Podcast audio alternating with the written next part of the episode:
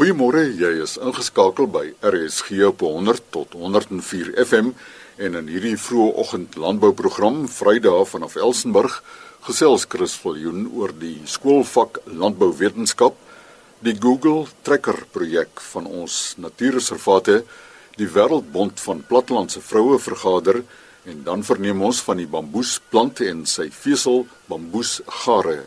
Manny Smit, vakhoof landbouwetenskap by die Hoërlandbou Skool Boland, vertel eers wat die vak behels. Landbouwetenskap is 'n studie van die verwantskap tussen grondplante en diere. Dit is ook 'n studie van die produksie en die verwerking van verskillende kommoditeite en dan ook die ekonomiese waarde van hierdie kommoditeite.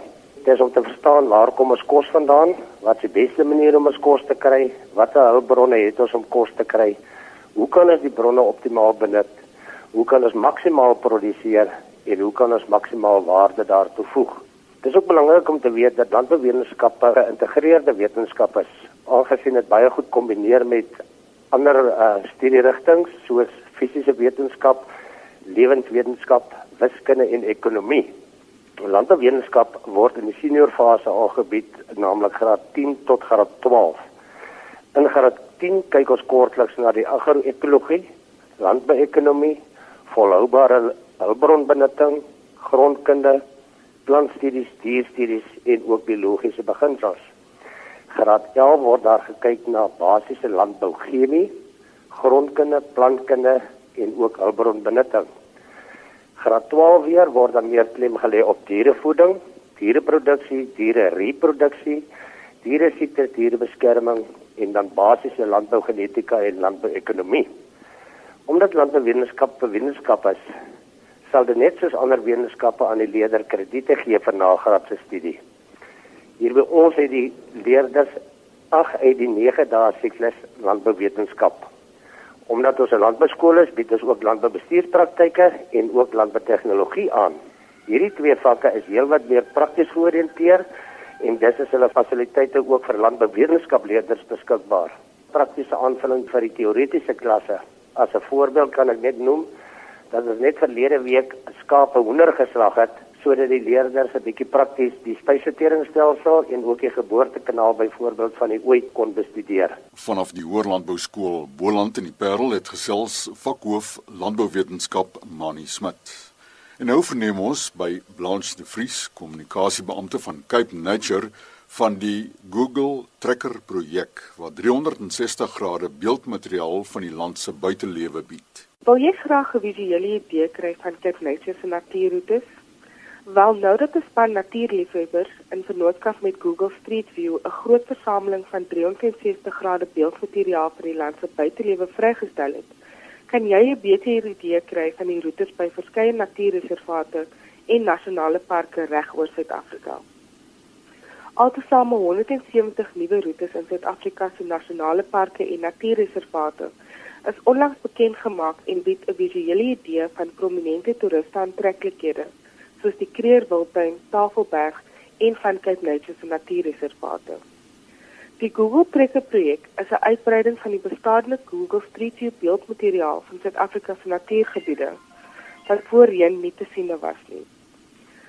Talle Suid-Afrikaanse vrywilligers reg oor die land was betrokke by die 12 maande projek wat daartoe gelei het dat die natuurpragt van Suid-Afrika tentoongestel kan word.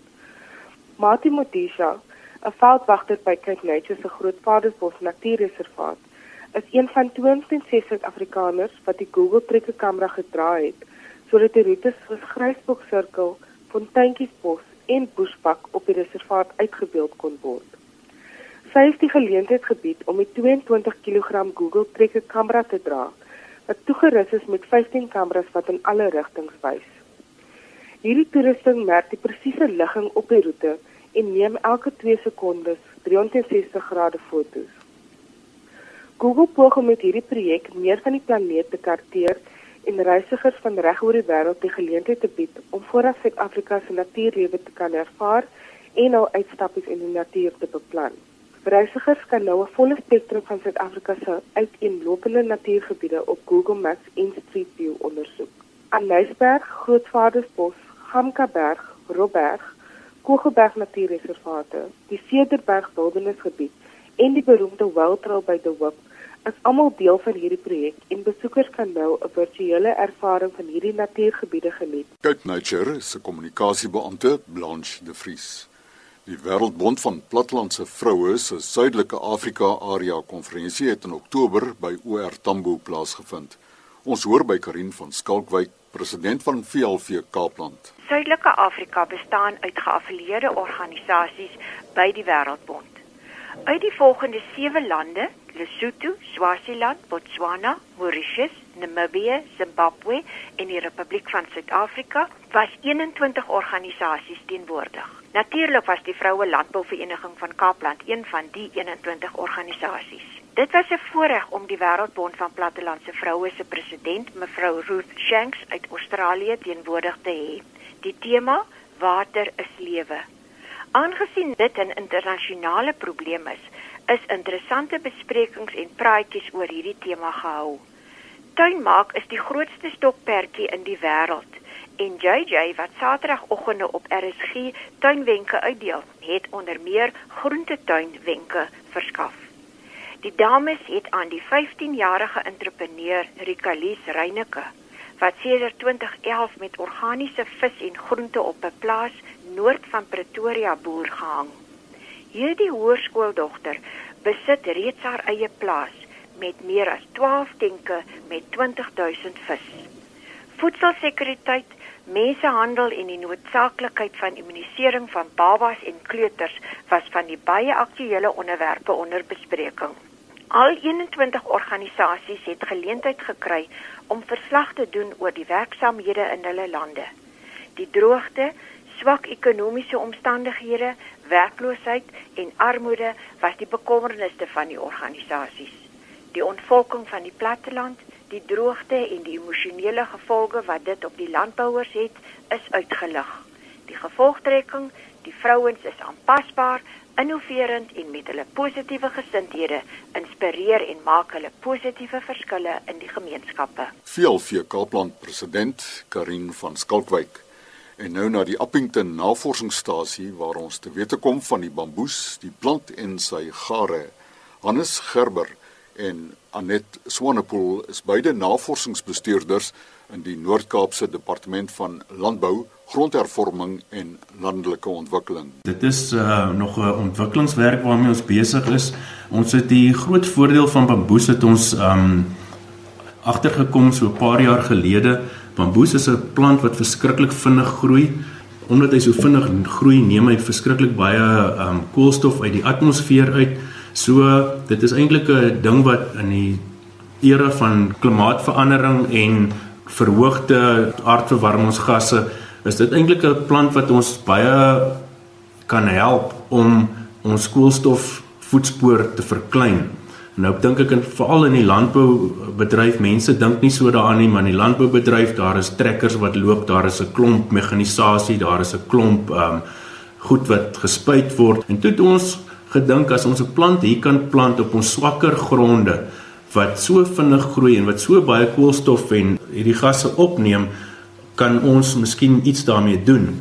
Nou die bamboes het 'n klomp voordele. Hy gee vir ons 'n verskriklike sterk paal wat uh, baie vinnig groei groot pale die die goed is is is baie solied soliede pale wat ook um, gebruik kan word in opleistelsels. Dit kan gebruik word in die boubedryf dit kan gebruik word in die arts and crafts om kunswerke mee te maak om stoele meubels mee te maak. Die verder is die blare van die bamboes het eintlik 'n baie hoë voedingswaarde en uh, of relatiewe voedingswaarde vir diere en die ehm um, vesels van die blare kan ook gebruik word in goed soos wol en en alle veselprodukte. Dis 'n baie sagte vesel eintlik wat jy daarvan kry. So ons kan hom gebruik vir dierevoer, ons kan hom gebruik vir soos ek gesê het oplei materiaal veral in die Noord-Kaap waar baie van ons oplei materiaal vir ons wingerde word van ver af aangery. Baie van die oplei materiaal word met giftige stowwe behandel soos hierdie kreosoot en so voorts wat mense nie graag naby uh, voedselprodukte wil hê nie. Daar is regtig 'n groot behoefte dalk of 'n uh, moontlikheid vir uh, bamboes as 'n gewas in die besproeiingsgebiede van die Noord-Kaap. Ons weet die ryp sit hom 'n bietjie terug, maar ons hoop om om dit te kan oorkom in met tyd. Maar ons glo soos die plante nou groter word, dat hy genoeg biomassa wat hom wat hy homself sal beskerm en sy groeipunte sal beskerm teen die ryp en ons is nog so versigtig positief as ons kan areas kry waar hy waar hy goed gaan groei, dink ons daar's groot potensiaal.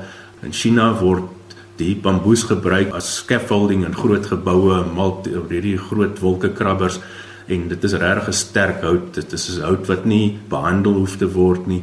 Weet hulle maak tot vier houtjies van hom in die ooste. By die stadium is die plantmateriaal as redelik kwekers veral in die Wes-Kaap wat wat die plantmateriaal aanhou en um, mens moet net kyk dat jy na die regte na die regte kultivars kyk. Ja, bamboes is eintlik 'n baie interessante gewas. Hy het geweldig baie gebruike. Een van die gebruike is dat daar uit die blare 'n vesel onttrek word waarvan dan dan op die ouene gare gespin word. Sien byvoorbeeld baie in winkels dat jy kry handdoeke en veral manskouse wat al van bamboesgare gemaak word. Maar dan nou iets waaroor ek baie opgewonde raak is is dan nou die bamboeswol of gare waarmee mense kan brei of hikkel.